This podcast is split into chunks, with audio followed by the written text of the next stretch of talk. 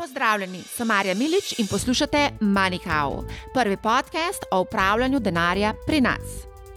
Ojoj, računi. Vsakeč, ko v trgovini čakam, da mi blagajničarka izroči en meter dolg račun, se sprašujem, zakaj se mi ta račun avtomatsko ne naloži na kartico ali po pošle po mailu ali kako drugače digitalno izroči. In tak račun praktično takoj vržem v smeti. A ta račun, ki ga dobim pri večini trgovcev, ne morem reciklirati, ker so premazani snovjo, ki vsebuje BPA oziroma kemično spojino bisfenol A. Ta se predvsem uporablja v masovni proizvodnji. Gre za strup, ki je škodljiv zdravju in velja za hormonskega motilca, ki vpliva na reproduktivni in žilčni sistem ter na metabolične in imunske procese v telesu. Ne samo to, da smo mi kot potrošniki izpostavljeni temu, veliko bolj so, da nimo blagajničarke, ki bistveno več rokujejo s takšnimi računi. Nisem blazni ekoekstremist, vseeno pa redno recikliram, kupujem biorazgradljive vrečke, se skušam izogniti odvečni embalaži in tako dalje. Skratka, lahko rečem, da sem ozaveščena in da mi je mar za naše okolje. To, da trgovci na dan porabijo najmanj 600 km papirja samo za tiskanje termičnih računov, ki jih potem niti reciklirati ne morem, se mi zdi v 21. stoletju, ko obstaja kup digitalnih rešitev, norost. Danes imamo, da nimamo možnost, da se odločimo glede načina plačila. Ali z gotovino, kartico, telefonom, ne morem pa se odločiti med digitalnim in tiskanim računom. Vseeno vidim luč na koncu tunela. Obstaja namreč aplikacija, ki omogoča izdajo digitalnih računov pri trgovcu. Kako deluje? Trgovec poskenira aplikacijo in voila, račun v sekundi prileti v aplikacijo. Tam imaš arhiv računov, dodajes lahko garancije, celo opomnik, da te opozori, da se ti izteka garancija. Dodaš lahko vse svoje kartice zvestobe in seveda, kar je najbolje pri tem, je to, da je aplikacija popolnoma brezplačna. Gre za aplikacijo No Prince. Digitalni računi so, po mojem mnenju, prihodnost in nisem osamljena v tem prepričanju. O tem, kako imeti zbrane vse račune na enem mestu, vključno z garancijami, se bom pogovarjala s Simonom Kolencem, direktorjem podjetja Fin4Green, ki je ustvaril aplikacijo No Prince. Zdravo, Simon. Živijo, Marja. Že tako na začetku bi rada vrgla eno mini bombico. Kot mama dveh otrok vedno preverjam, da so izdelki, ki jih kupujem, brez BPA, verjetno pa ne samo mame, tudi vsi ostali. Se mi zdi, da so postali zelo pozorni na to. Vzameti dobesedno dve sekunde časa in imaš v bistvu en strup manj v domu. Moram pa priznati, da sem spregledala, da so nekateri računi trgovcev premazani s snovjo, ki vsebuje BPA. To gre predvsem za termične račune, ki jih dobimo pri večini trgovcev. To so tudi tisti, ki relativno hitro zbledijo in jih ni možno reciklirati. Glede na to, kako se vsi zelo trudimo biti eko, pa pri tako v bistvu majhni zadevi, kot je izdajanje računa, v bistvu fejlamo, pogrnemo. Pa še nekaj, e-račune od telekomunikacijskih operaterjev, od elektrodistributerjev in tako dalje dobivam že vrsto let. In ne razumem, zakaj ne morem imeti v trgovini živili ali oblačili možnost, da se odločim, kako želim prejeti račun, ali fizično ali digitalno. Simon, mi lahko prosim pojasniš, zakaj? Hvala. Rekel, dobra je dobra istočnica. Zdaj, um, ja, ta BPA je tudi nas presenetil, no, če se tole prvo vrnem. Bi rekel, tako dalečno, da marsikje po svetu so začeli analizirati, kakšen vpliv ima tudi ta, bi rekel, BPA, s katerim je premazan račun, ne, ker je v bistvu kot neke vrste plastificiran zaradi termične obdelave. In tudi Evropska unija je sprejela že neke zakonodaje letos, oziroma v lanskem letu, no, da se ukine uvoz uh, papirjev, ko se bojo BPA, s tem, da so pa dovolili BPS, ki je pa podobno, sam ni toliko raziskan, tako da v bistvu niso kaj dost, ne bi rekel, rešili. Zdaj, uh, isto vprašanje smo se mi sprašvali, no, ki si ga pa izpostavlja. Se pravi, vse lahko že praktično delam digitalno, dobivam račune, mesečne obračune in tako naprej, digitalno, plače, plačilne liste, vse. Potem grem pa v trgovino, pa dobim, pa bi rekel, mogoče pri kakšnem majhnem računu niti ne opazim, da je to dolg, mogoče 5 cm, če je to kakšna trafika. Ne. Pa grem pa hrano kupovati, pa je to en meter dolg račun. Uh, ja, in pa ko grem ven z trgovine, vidim polno tega v smeteh. Ne. In uh, zakaj? Mogoče bi rekel, se noben tega ni lotil, to niti ne bi znal povedati. Bom rekel, da po eni strani je stvar kar kompleksna, predvsem zato, ker je to kakterjev upletenih. Sem pa sam prvič to izkusil še v bistvu s tem uh, Borisom, uh, bi rekel, soustanoviteljem. Ker smo že v preteklosti imeli nekaj, takrat, ko so se te davčno potrjevanje računov uvajali, ne. sva pa oba delala v zavarovalnici in je bila pač težava s agenti na terenu, pa printerji in tako naprej. Ne. In sva že takrat ugotovila, da zakonodaja je bila. Ne.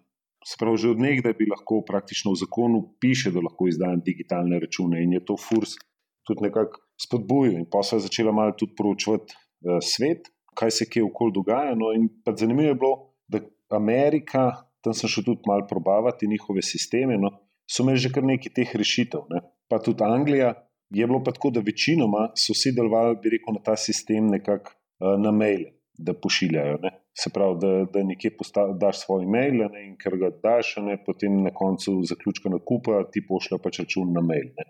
Zdaj, to je bila ena stvar, ki je, bi rekel, uh, spremljiva, ampak hkrati so pogotovili, sploh v Angliji, ki so delali analizo, da pa ljudi to mo, da ne bi radi imeli, ker vse posod dajali. Um, zdaj, nekateri so taki, da si odprejo svoj mail samo za račune ne? ali pa kako koli. Tako da mi smo pa, pa mogli najti neko rešitev, ki je mal bolj, bi rekel, da človek ostane še toliko bolj anonimen, pa še vedno lahko prejme račun. Ne? Se pravi, damo mu nek, bi rekel, namišljen alias, ne? kam se pošilja račun. Izpostavlja se zelo veliko zanimivih istočnic, in vse, vse to bomo tudi obdelali v tem podkastu. Zdaj, ko govoriš o tujini, seveda se moramo dotakniti Skandinavije. Veliko krat se radi primerjamo ali pa zgledujemo po Skandinaviji, in tam je dejansko eden večjih takšnih ponudnikov digitalnih računov, Storebox, v Britaniji je Flux. Torej, kako je, zdaj nekaj si omenil, kako je v tujini, kako se je tam prijel to, kako ljudi to uporablja, morda veš. Zdaj, točno bi težko rekel. No, vem za, uh, zdaj ne vem za Storebox, no, nisem nekih podatkov najdel.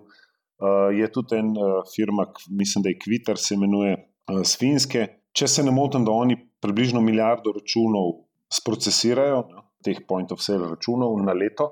Ma pa vsak mečkan mogoče svoj način. Ne. Eni imajo bolj princip, kot da bi bili to maili, no.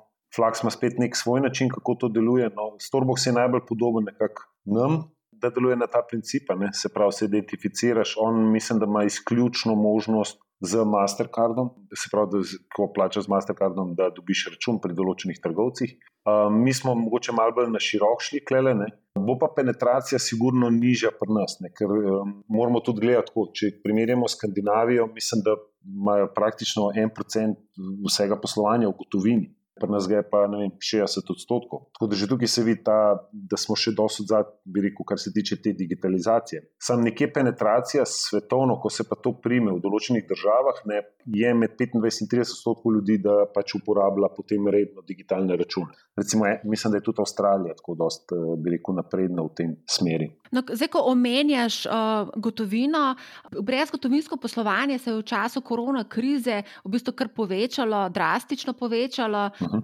A ste morda tudi vi opazili, da bi bil večji interes strani trgovcev ali pa tudi uporabnikov te aplikacije, vaše Novprinc? Ja, je. Dobro, mi smo imeli tu malo, mogoče napačen timing, ko naprej nismo pričakovali. No, ampak mi smo ravno lansirali na trg februarja 2020, potem vemo, kaj se je zgodilo, ne se je pač vse skupaj za tri mesece praktično zaprl, ne pa pol jesen še enkrat. Tako da je bil nek tak hold, ne, ker tudi trgovci sami po sebi ko smo se z njimi pogovarjali, so rekli, da v tistem trenutku niti ne vejo, so se raje z drugimi stvarmi ukvarjali, spoh, ko so začeli odpirati, ne, na kakšen način bodo zdaj odprti in tako naprej. Ne. Tako da se je to, bi rekel, mečken ustavil, ne. ampak zdaj, recimo jesen, se je pa že videl, po mojem, ravno, da je bil tudi ta efekt, mogoče v zadju ali pa zato, ker smo že vseeno uspeli, zdaj trenutno recimo smo pri 15 trgovcih, live, ne mogoče, da so to videli, da stvar dejansko deluje in, in gre, hkrati pa najbrž so šli še sami po sebi, so bili prisiljeni v lanskem letu dosti bolj razmišljati razmišljati o digitalizaciji ali prek internet trgovine ali sprejemati digitalna plačila na mesto gotovine, sprav, da čim manj stikov ne, in tudi potem to ne sprav, da ne izdajam računa, da še tu en stik med kupcem in trgovcem zmanjšam, ne se pravi, da si tega liska pač ne, ne dajemo. Tako da, po mojem, je bil efekt, bi pa težko zdaj izločil, od česa je efekt, ne, ker smo ravno pred korono nekako zagnali. Je pa tudi zanimivo to, da takrat se je zelo veliko govorilo, da ne bi se virus prenašal tudi prek predmetov, uh mhm. -huh. tudi papirja, konc koncev v knjižnici morajo še danes v bistvu razkoževati uh mhm. -huh. knjige. Ne? To je res. Ja. Tako da to sigurno je, bi rekel, tudi en od prednosti, ker je bilo pa tudi tako. No, mi, Ko se je to zgodilo in smo ugotovili, da je to naša prednost, se nam je zdelo vse en, nismo jo nekako niti hoteli izpostavljati, ker se nam je zdelo malo neprimerno, no, da se bi izkoriščal kakorkoli rekel, tako obdobje in tako črno stvar za to, da bi promoviral svojo storitev. Ne. Je pa sigurno ena od prednosti, ki jo pri nas podajamo, sprav, da ni stika, ne, da se ne prenaša, oziroma zmanjšamo možnost prenosa virusa tudi tukaj. V bistvu vse poteka digital, plačilo lahko uh mhm. -huh. pravimo digital in račun potem tudi digital prejmemo na tako. svoj telefon. Uh, najbolj pomembna stvar je ta, da je aplikacija in uporaba te aplikacije brezplačna. To se mi zdi pomemben faktor, to bo vsak verjetno se vtaknil v to in vprašal. Pa tudi to je pomembno, ali se to lahko v prihodnje spremeni, se pravi, da postane plačljiva, ali pa saj določen feature znotraj aplikacije postane plačljiv. Ja, zdaj v osnovi, se pravi, prejemanje računov, tako strani če sem jaz kot fizična oseba prejemnik ali pa kot pravna oseba prejemnik, ne, ker pač omogočamo boje. Ne. V obeh primerih bo samo prejemanje računov brezplačno in to se bomo držali pač skozi. Zdaj upam, da ne bo kdaj kdo me čez ne XX let pozval, pa rekel, to si pa nekoč rekel, da bo skozi zaston. No, ampak uh, z gotovo se skoraj rečem, no, pač, da bo to zvedno zaston. Bodo pa potem dodatne funkcionalnosti. Ki bodo mogoče bolj specifične, bodo bolj tudi za določen krok ljudi, ki pa bodo plačljive. Ampak to bodo seveda stvari, ki jih bo uporabnik ali jih bo želel imeti, bo za to pač plačal, če pa ne bo želel, bo pa še vedno lahko prejemal račune brez plače. Gremo se dotakniti tudi malce več o teh dodatnih featureih, bova uh, povedala mhm. malce kasneje. Veliko papirja gre v glavnem za tiskanje teh računov. Že sam si uvodoma povedal, da je lahko račun tudi en meter dolg uh mhm. -huh. in relativno hitro ga tudi vržemo v kanto. Mar da uh mhm. -huh. redko kdo ga v bistvu gre gledati in analizirati cene in podobno. Ne? Ali morda imaš informacijo o tem, koliko papirja gre za tiskanje računov, ali pa koliko denarja trgovci na leto porabijo za te rolice papirja? Večinoma, no, tudi ker smo mi sami delali rekel, svoje izračune in smo prišli do nekih številk, se, se nam zdele, da to sigurno ne more biti resne. In smo potem najdel razne študije, tudi iz tujine, ne, pa smo preračunali, preračunali in smo dejansko ugotovili, da je, bi rekel, čisto v osnovi, če gremo z vidika stroška, ne, vsak račun v povprečju, bi rekel, golo uh, list papirja, pa da se to osnovno ena stran natisne, bi moral stati vsaj en cent. S tem, da čim imaš ta račun malo daljši, ker jemne se pa vedno neka povprečje. Ne? Pač povprečen račun je širok 8 cm, pa dolg 20 cm. Uh, se pravi, tukaj so zmeri uh, odstopanja, tudi se tiska spredaj, se tiska zadaj. Ne? Tako da so te zneski lahko pa še bistveno večji. Tudi vzete so neke, bi rekel, tako zelo diskontne cene papirja, ker tukaj imamo tudi velike razlike. Je to recimo nek SP kupuje papirje v papirnici, ali je to neka velika firma, ki ima uh, možnosti dobiti velike količine papirja, pa jih lahko potem dobi po pač neki nižji ceni. Ampak neka ocena, kot smo uspeli narediti, pa kot smo mi tudi samimi trgovci govorili, da nam pač malo potrdijo. Ne, Bi rekel, da nekje, če rečemo, neke vrste, malo večji, srednji trgovci, do velikih trgovcev, je to na letni ravni vsaj med 50 in 500 tisoč evrov, samo za veliko papir in stroške s tem povezani. Zdaj, tukaj so pa še vsi stroški, ki so prikriti, ker imaš tudi printerje, pa vzdrževanje printerjev, pa s tem se zgodi izguba časa, ker ravno papirja zmanjka v tistem trenutku, ko se vsem mudi ne, in je treba te rolice menjati. Ne.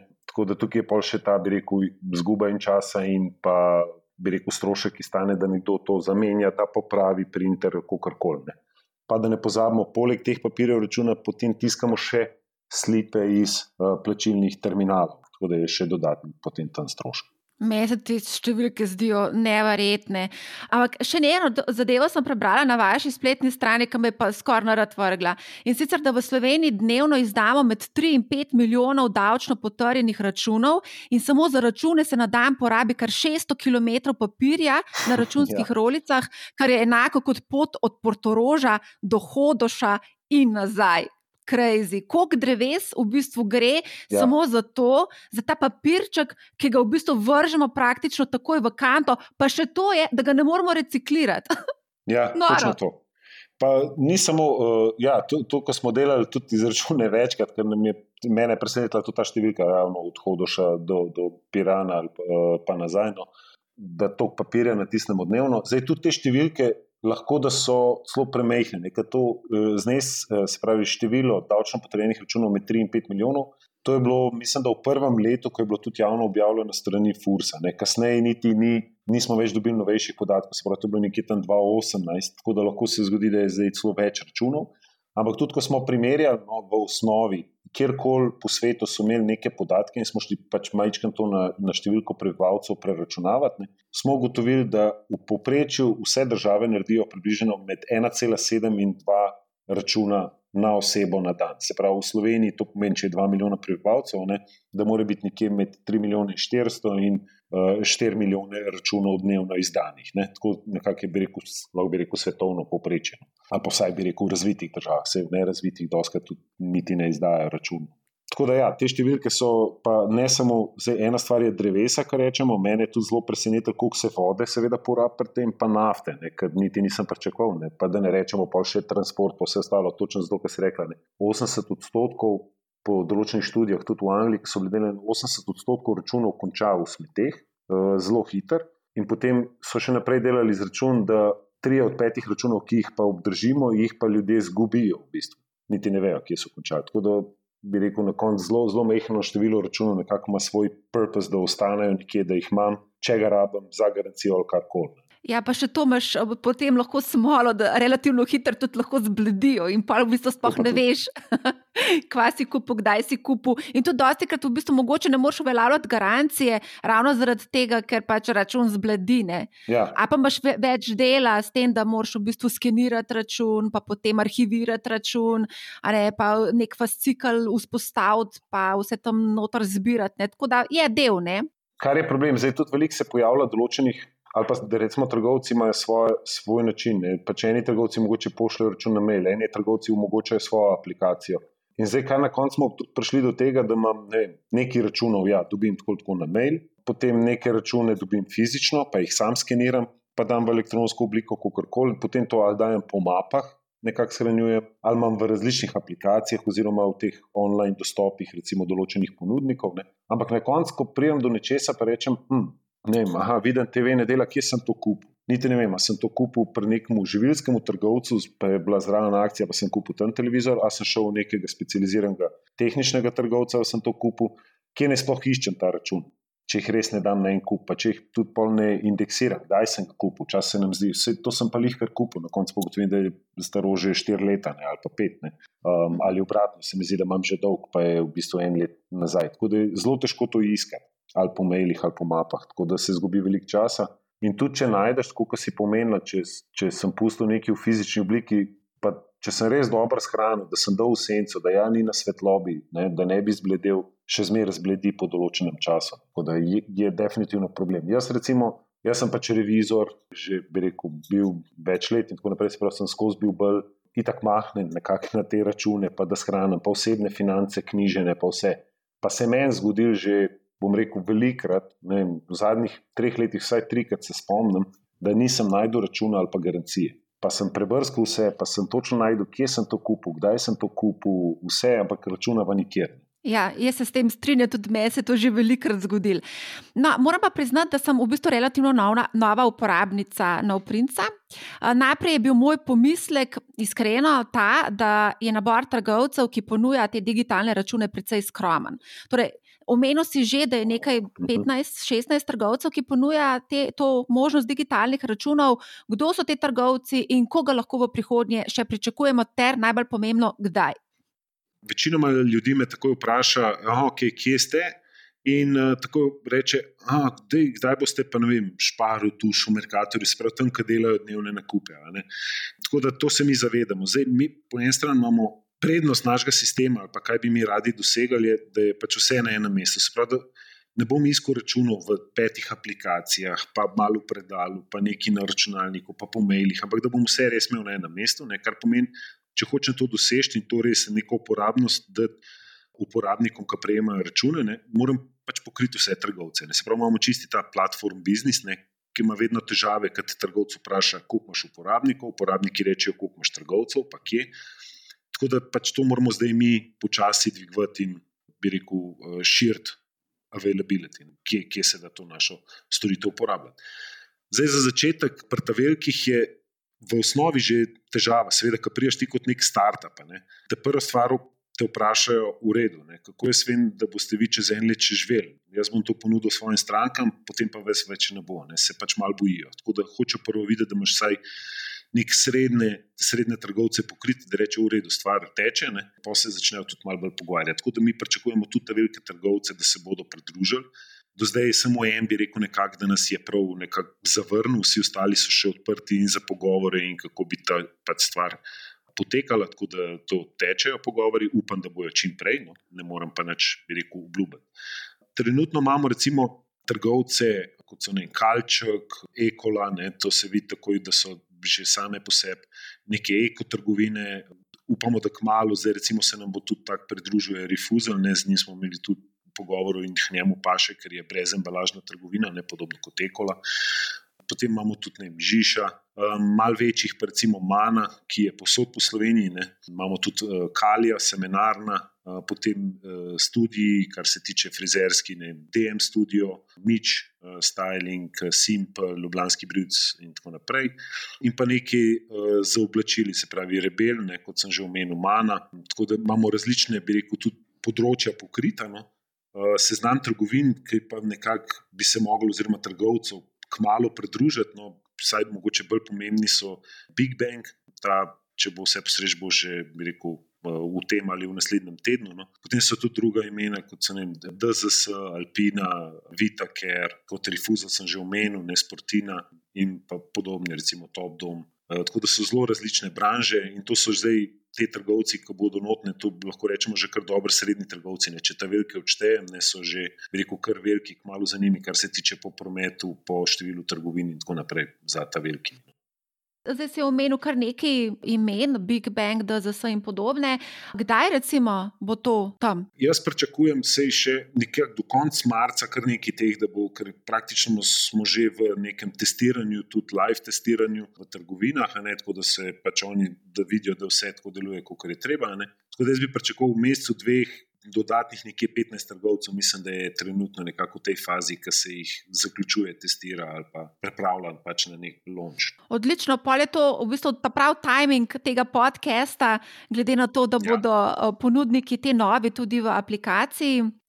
Vseeno pa je treba v bistvu tudi povedati, da čeprav trgovec še ne ponuja te aplikacije, lahko poskeniramo QR kodo računa in ta se nam shrani v aplikaciji. Nekaj o tem si že povedal. Mogoče sem še to bi dodala, da se v bistvu zavede ime trgovca, prikaže se tudi skupen znesek, pa hkrati lahko ob, uh, shranimo sliko računa. Torej, možen je v bistvu tudi ročen vnos računa, čeprav recimo teh trgovcev večjih ni trenutno še v aplikaciji. To je kot nek backup, smo rekli. Ne? Se pravi, dokler trgovec še se ne priključi, ne? ali pa pač če ni nekega interesa, da lahko še vedno ljudje pač slikajo račune in shranijo. No, tudi recimo za primer, da se zgodi, ker mi recimo, da rečemo, da internet pade dol. Ne? V tem primeru vi težko dobite takoj račun ne, iz blagajne, in mi, zaradi tega, da ni težav, kar se tiče infursa in se pravi tržne inšpekcije, ne, ker pa oboji zahtevajo, da vi prejmete račun, ko greste iz trgovine. Se pravi, v tem primeru uh, se bo račun vedno tudi natisnil. In vi ga boste še zmeraj lahko, sprav uporabnik ga lahko še zmeraj potem slika in shrani v aplikacijo. Tako da, kljub temu, da ga je dubu v nekih primerih pač fizično. Kot si omenila, no, je eh, rešitev narejena tako, da pač v osnovi se račun slika in uh, sam. Rekel, aplikacija prepozna QR kodo, če je bil seveda račun fiskaliziran, in na podlagi tega predizpolniti določene podatke. Tako da ni treba posamezniku na roke vse tipkati, ampak ja, se že razbere, kdo je izdajatelj računa, kdo je uh, številka računa, znesek in tako naprej, in slika se pa shrani. Istočasno se pa pri enih in drugih računih, ne se pravi, so to digitalno dejansko preletelo v aplikacijo ali so bili naknadno uh, slikani. Pri obeh se pa lahko doda tudi garancijo. Se pravi, slikate pač garancijo, vnesete na določene eh, podatke o garanciji, kateri izdelki so, tudi čas trajanja garancije, je to eno leto, dve, tri in tako naprej.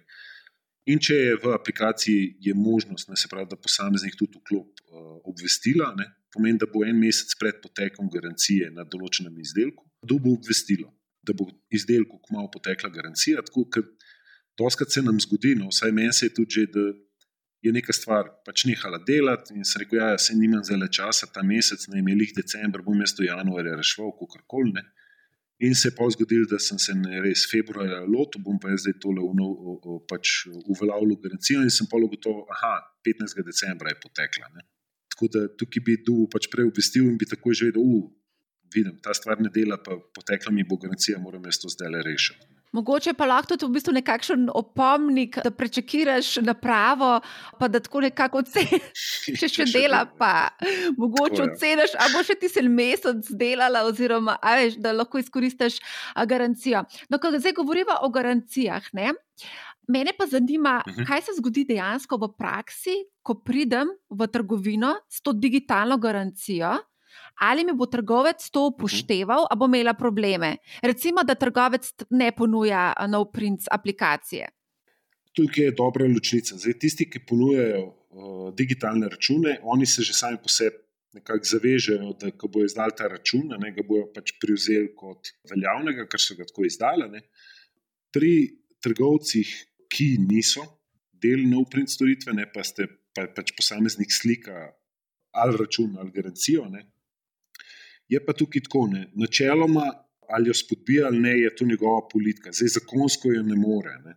Ker tudi v osnovi račun, ne, ki ga jaz prenesem trgovcu nazaj, ne, njemu ni tako važno, da sem jaz prenesel tisti račun. Njemu je važno, da sem jaz prenesel račun, on vidi gor izdelek, vidi eh, številko računa, on ima po zakonu vse te račune v sistemu, ki jih je kadarkoli izdal. Ne. Tako da on preseb, tako, tako bo šel v sistem. Ne bo kar pogledal račun, pa bo rekel: v redu, tu le vam vrnem, pa pejte, ampak bo šel itak v sistem noter, da bo videl, da je dejansko to izdan. Ker če ne, jaz lahko tudi falsifikat računa naredim, pa ne sem nazaj. Ne. Tako da to bo preveril. Ne. Njemu je važno, pač, da, da ga najde. Ne. V končni fazi bi rekel, kot neke vrste, tukaj, ki dam račun, ima nek, neko možnost, po čem bo on poiskal v svojem sistemu, dejansko, da je bilo to tisti dan prodano pod to številko, ta izdelek. In bo lahko pač sprovedel garancijo. Ko skeniramo v bistvu vse svoje račune, dobimo tudi pogled v stroške. Ta statistika je v aplikaciji prikazana po trgovcih, se pravi 30% Mercator, 20% Hofer, 10% Mas, vem, 5% Mr. Pet in tako dalje, kar je fajn.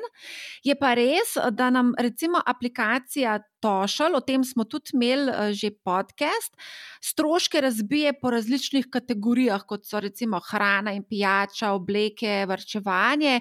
In glede na to, da vaša aplikacija omogoča digitalno shranjevanje računov, si predstavljam, da bi bilo možno, ali pa da bo enkrat možno bolj razdobljena analiza v smislu, koliko kilogramov sladkarij smo pojedli v enem letu, ali pa koliko litrov vina smo spili, recimo v celem letu, ali pa koliko špagetov smo pojedli, kruha in tako dalje. A bo to možno? Ja, interes je. Zdaj, ko se ravno pogovarja, že mi v zadju pripravljamo uh, upgrade aplikacije. No, zdaj, en upgrade bo prišel, predvidoma ta ali pa začetek drugega tedna, ven, z določenimi dodatnimi funkcionalnostmi. Te kategorije, recimo, ko jo omenjaš zdaj, pa pridejo z naslednjo verzijo, najbrž v roku še enega meseca do dveh, bo izdano, kjer boš istočasno lahko pač primerjal nekakšno uh, analizo delu časovno, po trgovcih in po kategorijah. Ne, se pravi, lahko tudi rekel, znotraj posamezne kategorije, pri katerih trgovcih to porabim, ali pa znotraj trgovca, katere kategorije kupujem. Ne. Ker prednost tudi te naše aplikacije, ravno ker so digitalni računi, je možnost, recimo, kaj se zdaj zgodi. Ne. Jaz, ki grem na petrol, pa dobim račun. Ne. pa mi ga bančna aplikacija mi ga zmeri da kot transport. Ni pa nujno. Ne. Jaz na petrolu kupam lahko sendviče, lahko kupam pijačo, lahko alkohol, sladkarije, karkoli, ampak vedno bo to tretirano kot transport. Tako da, kar bo pri nas prednost, je, da boš lahko posamezen račun imel razdeljen na različne.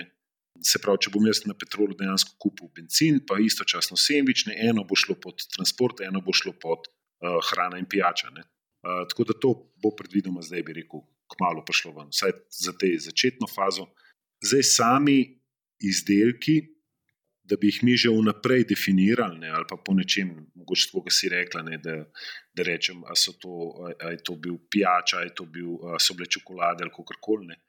Tukaj je pa bolj odvisno, kako imajo rekel, podatke trgovci shranjene. Ne. Ali jih dejansko imajo tako ločene, da se jih da pač nekako grupirati. Ne ali jih nimajo. Zdaj, večji trgovci, ja, kašni manjši, mogoče niti nimajo. Ne.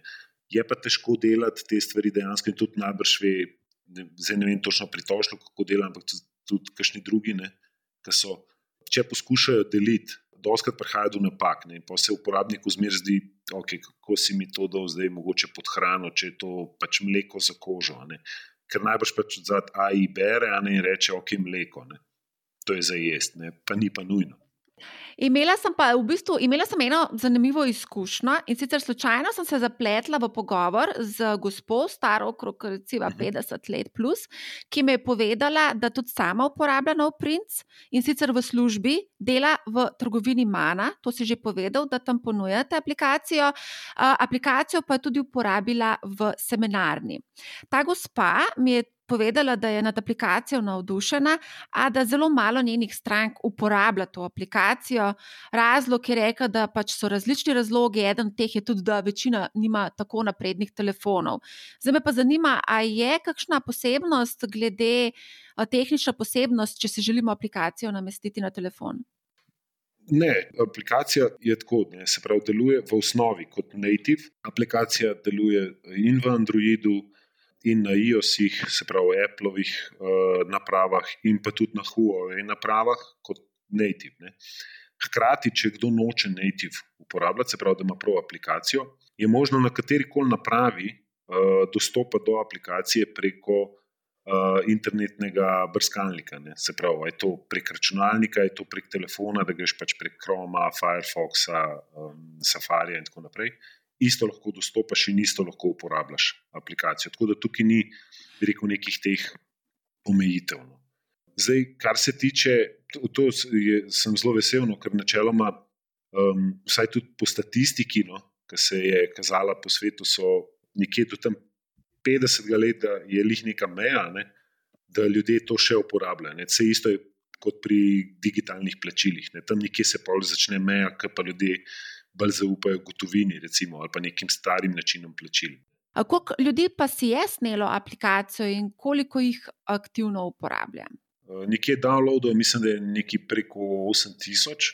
Kaj kot aktivno štejemo, Zdaj, če gledamo, ali je to vem, tedenska uporaba ali kako koli, mi imamo nekje, bi rekel, relativno, približno ja, na polovici tega 4000 nekih, bi rekel, aktivnih uporabnikov, če rečemo, da bi rekel, dosta redno uporabljajo aplikacijo. Je pa tako, da, da se še zmeraj vidi, mogoče, da nekateri očitno uporabljajo aplikacijo bolj, da skenirajo račune, ker trgovci njih, niso njihovi, ne, nekateri pa uporabljajo pa zato, da shranjujejo te, ki lahko dobijo digitalno. Ne. Tako da še zmeraj ni mogoče. Dosti velike širine, no. tudi mi bi rekel, nekako marketing smo delali relativno potiho, ravno tudi zaradi korone, pa je bil nek čas, ki težko rečeš, da bi zelo veliko ljudem predstavljal, če pa nimaš nekih trgovcev na voljo. No. Tako da tudi pričakujemo v letošnjem letu malo večjo reklamo delati. Ko bo tudi, rekel, vsaj nekje 30 trgovcev na voljo, ne, pa bo takrat najbrž pa tudi, rekel, rast uporabe pri posameznem trgovcu večja. No.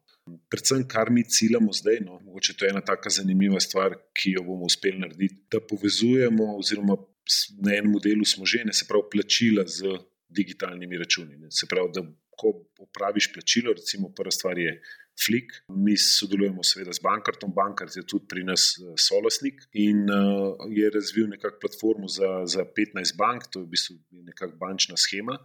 za takojšnja plačila. Mislim, da ste tudi imeli ta um, podcast z Maticem glede Flika, tako da se lahko ljudje v Fliku več tam tudi slišijo, ker mislim, da je Matic kar fajn razložil.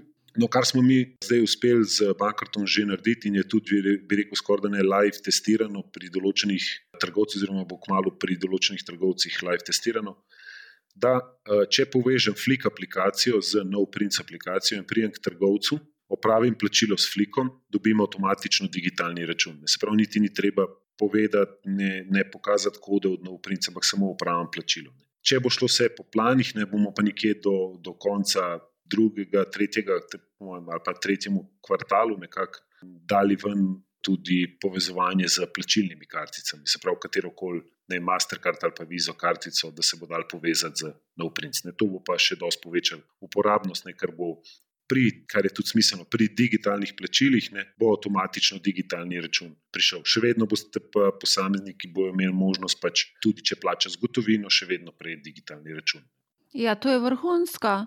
Mislim, jaz živim tako digitalno življenje že zelo dolgo časa, je veliko izzivov, ampak se mi zdi, da tudi s flikom si v bistvu nekako precej smo si olajšali življenje, seveda še vedno primankuje, oziroma manjka ravno ta del, da ti lahko plačilo upraviš vse direkt uh, s telefonom in uh, da ti v bistvu se natisne digitalni račun. To se mi zdi vrhunsko mobilne denarnice se bo dal to pa normalno povezati, eh, če, pa, če sem prav razumela, tudi z eh, NoPrints. Tako.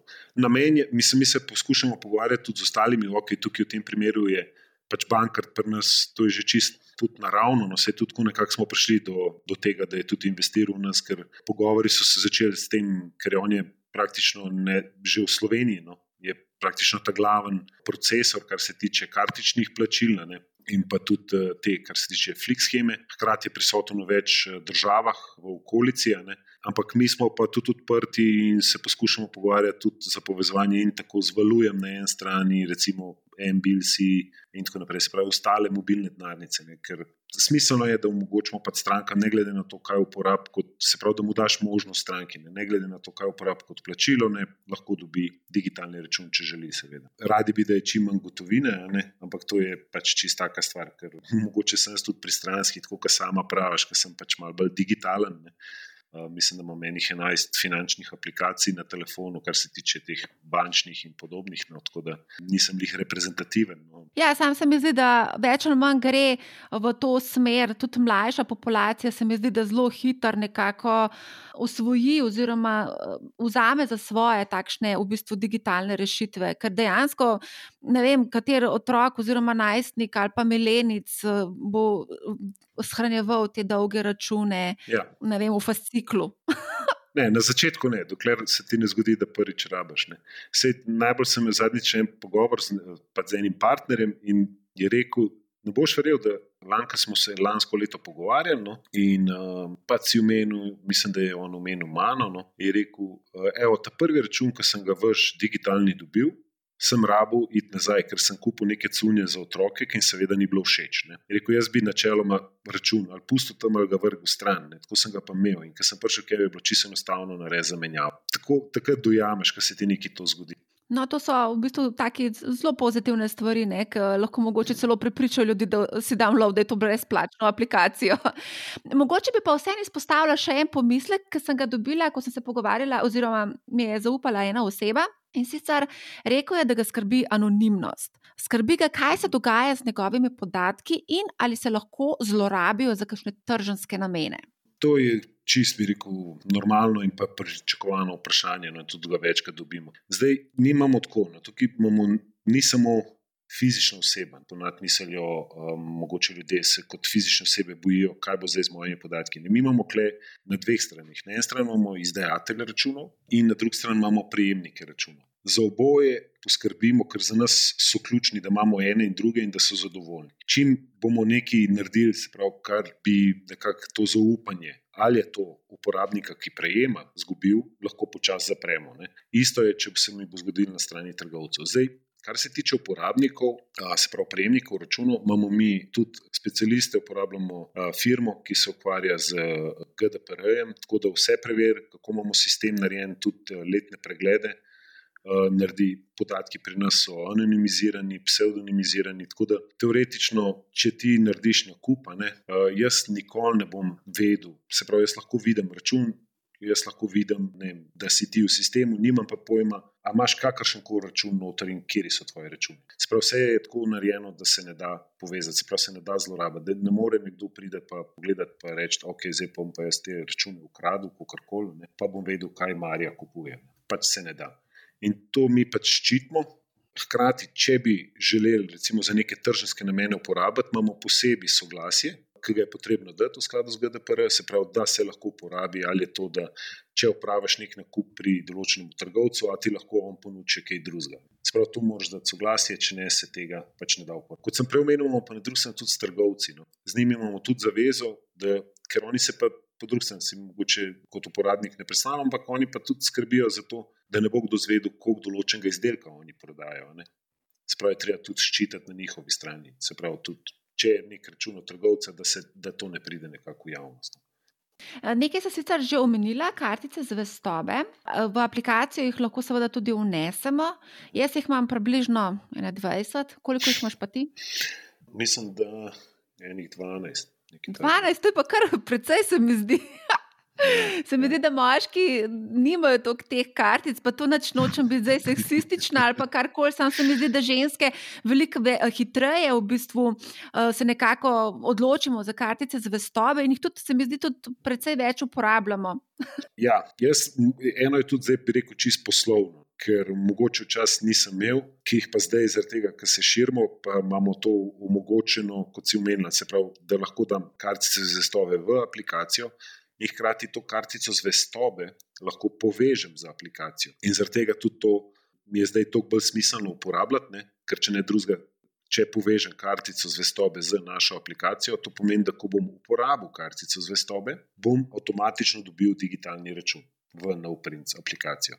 In zdaj nekako sta to že dve muhi na en mah. Se pravi, dobim nekaj od kartice zvestobe, pa hkrati dobim digitalni račun in zato uh, jih imam mogoče malo več. Pa zdaj sem preštevil, da jih imam 15, no, so, še premalo. 15. No, v glavnem, jaz uh, nimam nikoli fizične kartice pri sebi, to moram priznati. Vse imam v aplikacijah, v ta namen pa uporabljam različne aplikacije, recimo konkretno uh, moje kartice, pa sto kart, uh, ki v bistvu v osnovi ponujata shranjevanje kartic zvestobe in tudi pisanje raznih opomb. Sto kart ima še en dodaten feature, to so letaki in pa možnost slikanja. V NoPrints imaš tudi možnost dodajati kartice zvestobe in pa, kot si sam rekel, povezati uh, tudi z digitalnimi računi. Ampak vseh pa ni prepoznala, recimo, aplikacije vseh mojih kartic. Recimo, mojega Emporium kartice, recimo, ni prepoznala. A bo delovala moja kartica zdaj, tudi če ni, ni bila prepoznana? Delovala bo vseeno. Tudi če ni bila, misliš, da izbereš, um, kateremu trgovcu paše. Ja.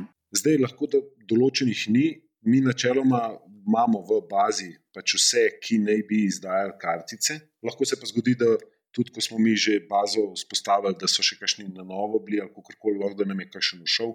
To tudi ni problem, če bodo uporabniki nam rekli, da nam kakšna manjka, da bi bilo dobro imeti noter, jo bomo pač dodali. Recimo Emporium, tam tudi nekako že potekajo pogovori, če bo vse posreč, ga bomo tako, tako dodali kot digitalnega in takrat bo sigurno tudi kartica noter, vidna se prav oblikovno kot eh, CGP od Emporiuma. Ampak važno je, da se shranijo kartice noter. To je to. Ne. Se pravi, če jo aparat oziroma aplikacija prebere in jo shrani, pa je v redu, se da uporabiti, ni noben problem.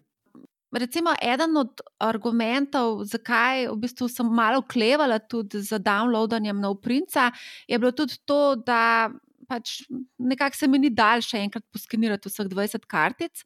Bilo bi super, če bi obstajal nekakšen izvoz ali pa sinhronizacija z drugimi aplikacijami da bi to nekako tako rešil. Sicer jaz imam dva telefona, pa sem potem poskenirala kode z enim telefonom na, na, drugi, eh, na drugi aplikaciji, na drugem telefonu, tako da nekako sem tako rešila. Ampak marsikoga bi pa znali to odvrniti, ker vprašanje, mogoče so pa že pospravili oziroma vrgli stran te kartice. Čist se strinjam, tudi uh, meni je to živce še enkrat noto našeti in tudi pri nas smo že poskušali, kako bi naredili, da bi se dal to uvažati, pa ni tako enostavno. No, ker um, če greš v ozadje, recimo pri 100 kartu pogledati, so te kartice nekje na cloudu, tako da niti jih ne moreš mislim, da niti ne ponuja, da se izvozijo, če se jaz ne motim. Pri mojih karticah se da izvoziti, ampak izvoz v nekem svojem, svoji obliki datoteke, ki je lahko potem importirana samo v moje kartice. Ne. Tako da smo pa rekli, da vse en, da ljudje, ko bodo svičali, zdaj mogoče kaj je prednost pri nas, pa kaj se da narediti. No. Recimo, prej, ki si omenil, če, če imaš ti že kartico, ne vem, recimo kalček. Ne, odprej, pa NoPrints aplikacijo. Tep ni treba niti jo dajati direktno v NoPrints aplikacijo, ampak greš recimo na kalčka, pokažeš eh, 100 kart, kalčkovo kartico, potem pokažeš NoPrints kartico in v tem trenutku, ne, ko boš prvič to naredila, se ti bosta v NoPrints obe kartice povezale in se ti bo kalčkova kartica avtomatično pojavila v NoPrints. No, če bi to prej vedela. tako da ja. Tako smo malo olajšali, no, ampak uh, ja, vem, gledaj, žal. Se tudi ta v bistvu rešitev je lahko zadovoljiva. Pač prvič prvič uh, ponudiš tisto varianto, potem pa pač dobiš račun oziroma povezavo z računom. Da, ja. uh, Deva se še majčkrat vrniti na večje trgovce. Praktično vsak mhm. ponuja kartice zvestobe, z izjemo diskontnih trgovcev, in še vedno številni ponujajo cel kup nekih akcij, zbiranja nalepk, pa razne popuste, ki se ponavadi natisnejo na repo računa. V Merkatorju se mi zdi, da so naredili en korak naprej in sicer lani sem opazila, da so bile njihove nalepke digitalno zabeležene. Ali bo recimo možno z NoPrints tudi nekako beležiti in unovčevati popuste, akcije, nalepke ali karkoli že trgovci ponujajo? Ideja je, mi pa to toliko enostavno. No. Stvari rešiti, tudi trgovec mora biti za no, da se to nekako poveže. Tudi zdaj, recimo, rešujemo pred določenih, da so želeli, da se cel račun pošlje v nov print, ne, razen če je kakšen kupon, da ta se pa printa. Ne, ker tudi trgovci so ugotovili, da, je, da recimo, če mi na koncu samo kupon printa, pride on do neke veljave. Ne, ker če ne ti dobiš metrski račun, pa hkrati kupon, pa niti več ne veš, kaj je kaj. Če pa dobiš račun v NoPrints aplikacijo, kupon pa posebej, ga imaš pač tam fizično. Zdaj, v določenih primerjih se zgodi, da trgovci tudi zahtevajo fizične, um, tako da je odvisno, kaj. Uh, se pravi, ali je lahko digitalen ali ne, odvisno od tipa nagrad. Tako da to so stvari, ki so zelo, niso tako enoznačne. Ali bo to v naši aplikaciji, kdaj bomo videli, nam pač ideja ali pa interes je, ne? bomo pa videli tudi od povpraševanja rekel, samih uporabnikov ali pa žel uporabnikov. Kot si prej recimo omenila, imamo tudi nekaj v planu uh, razvoja. Podobno kot imaš to karto, se pravi, da imaš sekcijo pri lojalnostnih karticah, da se ti tudi zadnji katalogi prikazujejo, akcije in tako naprej. Ne? Tako da to je še upgrade, ki ga pričakujemo. Kdaj točno bo, zdaj težko rečem, ker fokus predvsem je bil zdaj nekako na povezovanju z plačilnimi sistemi. No? tako da tudi to pa še pride. To je tudi ena fajn rešitev. Poštni nabiralniki ne bojo tako nabasani z reklamnimi letaki, pa verjetno poletno treba sosede prositi. Zato, da spraznejo poštni nabiralnik. Ne. Zanimivo je pa v tem digitalnem računu tudi to, da lahko v bistvu komuniciraš s trgovcem in mu pošlješ ali pohvalo, pritožbo, pombo, karkoli. To je v bistvu en tak plus, mhm. da pač ne rabiš iti na informacije in se tam pritoževati, ampak pač prek računa mu pošlješ, ja, to pa to ni bilo ok, ali pa to pa to je bilo ok. Lahko tudi pohvalo, kdaj pošljemo. Tako je, ja. vsak račun ima spodaj pač prostor za, za komentar. Ne? Eh, to je, bi rekel, v eno smer komunikacija, ne se pravi, da čist uporabnik, če se sam odloči, ko napiše ali nek predlog, pohvalo ali grajo ali karkoli. To bi rekel, je eh, prednost tega, predvsem z vidika, tako kot ima recimo Airbnb. Ne. Pri Airbnb-ju ti ne moreš, če nisi nekje bil, ne moreš oceniti lokacije. Ne. In tudi tukaj je ta prednost, ne, ker če nekdo da komentar, pomeni, da je sigurno dobil ta račun. Se pravi, je napravil nek nakup. Ne, ne more nekdo bi rekel, gulfat, pa, pa, pa nekako bi rekel, prijatelje pošilja, da v neko trgovino hvalijo ali pa grajo, ampak dejansko mora biti eh, opravljen nakup, da se to zgodi. To je v eno smer. V drugo smer pa trgovcem tudi omogočamo, če želijo, ne, da pač uporabijo neke vrste skrivnega kupca, ne, se pravi, da pa se odločijo, da določenim kupcem. Ki bi upravili nakup in postavili vprašanje. Recimo, reče, ok, vsi, ki bojo danes kupovali, ne vem, sadje zelenjavo, da jih vprašamo, ali so bili zadovoljni z, recimo, da je neka nova postavitev, ali da če je dovolj sveže, ali karkoli jih zanima, ali pa mogoče celo, da trgovca zanima, kako se določeni prodajalci ali prodajalke v nekem oddelku obnašajo. Ne, se pravi, nekako čisti skriti kupec, bojo lahko dejansko rekli, da okay, tiste ljudi, ki bodo danes tule kupovali, vprašamo, se enostavno s petimi zvezdicami, tako kot Google, sprašuje ponovite. A ste bili zadovoljni s sadjem zelenjavo, je bilo vem, sveže, ali, ali, ali vem, je bil prodajalec prijazen, recimo, ali je bila nakupovalna izkušnja, ali pa ne, smo spremenili to trgovino, ali vam je zdaj všeč postavitev, ne, da na hitro lahko oceniš od ena do pet. Ko uporabniku je to dosti enostavno, ko vidi račun, vidi vprašanje, reče takoj ena do pet oceni in to je to. Ne. Trgovec pa hkrati ve, da je dejansko od svojega kupca dobil odgovore in uh, se lahko pač tudi ga pač upošteva. Deva pa vsem se mečkan dotakniti še tistih 50, plus, oziroma pač tistih, ki še vedno prisegajo na papir in beležijo svoje. Sestanke na koledarju, tiskanem koledarju, ali po kakšni posebni beležki, ali berijo radi tiskane knjige, berijo tiskane časopise, ali še vedno raje prejmejo tiskane račune. Vseeno lahko recimo aplikacijo pač koristijo, če ne drugega, pa za statistiko ali pa za kakšne druge feature, ki bodo kmalo na voljo. Mislim, aplikacija ni, bi rekel, starostno omejena. Ne. Lahko uporabljajo od rekel, 15 let ali pa še prej, ne pa vse do 80, ne, če, če želijo. Ne. Um, ne da se, ali pa po mojem, utopično je, da bi pričakovali, da bo 100% računov digitalnih, kadarkoli, tako kot da bi bilo 100% plačil digitalnih. Ne. Ker v določenih državah so že uvajali kontrazakone. Mislim, da je bilo to, recimo, New York je imel že te stvari in tudi eh, v Angliji, v Združenem kraljestvu. Da, ko so prišli do tega, da so določeni trgovci recimo rekli, da sprejemajo samo še kartična plačila ali pa digitalna plačila, da ne sprejemajo keša, so v bistvu šli kontra zakone sprejema, da država, ja, ne, da prepovejo, da ne moreš, da moraš omogočiti tudi gotovino, ker imaš določene ljudi, ki pač ne zaupajo, pa jih ne moreš zato postaviti na stran. So to starejši, pa tudi ne, da bo uporabljal telefon nekdo, ki je zelo težko ali pa zelo slabo vid, pa tako naprej, da ga v to nekako silaš. Ne. Um, pa mogoče ne zaupa, ali pa ima slabe izkušnje z digitalnimi zadevami, tako da tudi tukaj ne. Pač bo omogočen. Um, je pa na voljo, seveda, tudi starejšim, ne, da to uporabljajo. Pa, da bojo vsaj vedeli točno, zakaj porabijo, kam jim gre denar.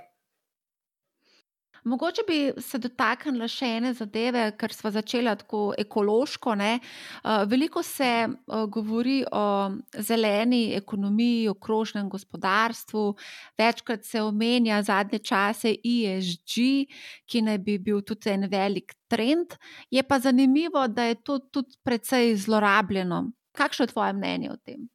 Zdaj, mislim, ja, zdaj gre vse v to smer, to je zdaj tudi mogoče marketinški ali pa rečemo, marketinško področje postala, ne, se pravi, vsi nekako gremo v zeleno, a je zeleno ali ne. Ampak jaz imam vseeno občutek, da kljub temu, tudi mogoče, če bi rekel, da neki ali tudi trgovci ali pa podjetja ali kako koli uporabljajo to v marketinške namene, je še zmeraj dobro, ker se jim dejansko pridejo do faze, ki začnejo o tem razmišljati. Ne, da bi rekel, potem inherentno, zaradi tega, ker se ukvarjajo z tudi SG poročanjem, recimo, ne, začnejo opaziti, kaj dejansko naredijo, pa v katero vsa področja to gre, ne? od tega, koliko smeti produciram, koliko elektrike porabim in tako naprej. Ne?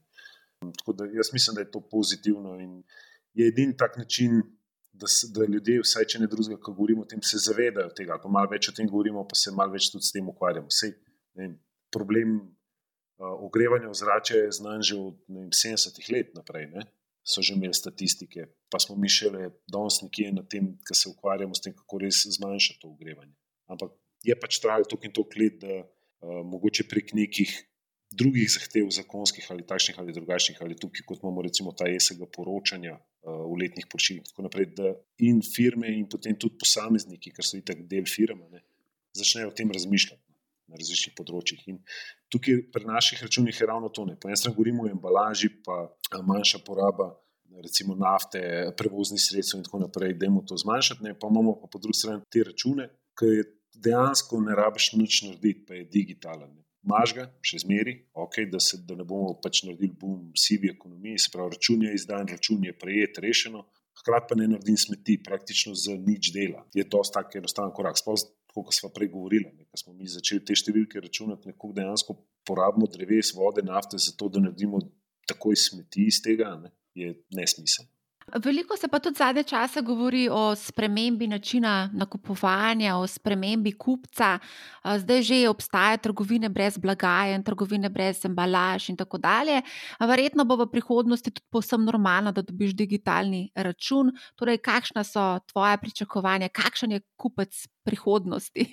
Zdaj, tako, ja. Če bom rekel, bomo prišli do tega, no, da bo celotna pot nekako digitalna, pa brezstična, ne, pa bi rekel, čisto enostavna. Ampak, če grem samo na digitalne račune, se pa upam trditi, če rečem, da 2025 bo večinoma računov na prodajnih mestih digitalnih v takšni ali drugačni obliki. In ne samo v Sloveniji ali Evropi, ampak bo to moglo biti povezljivo med državami, ker te projekti že potekajo trenutno.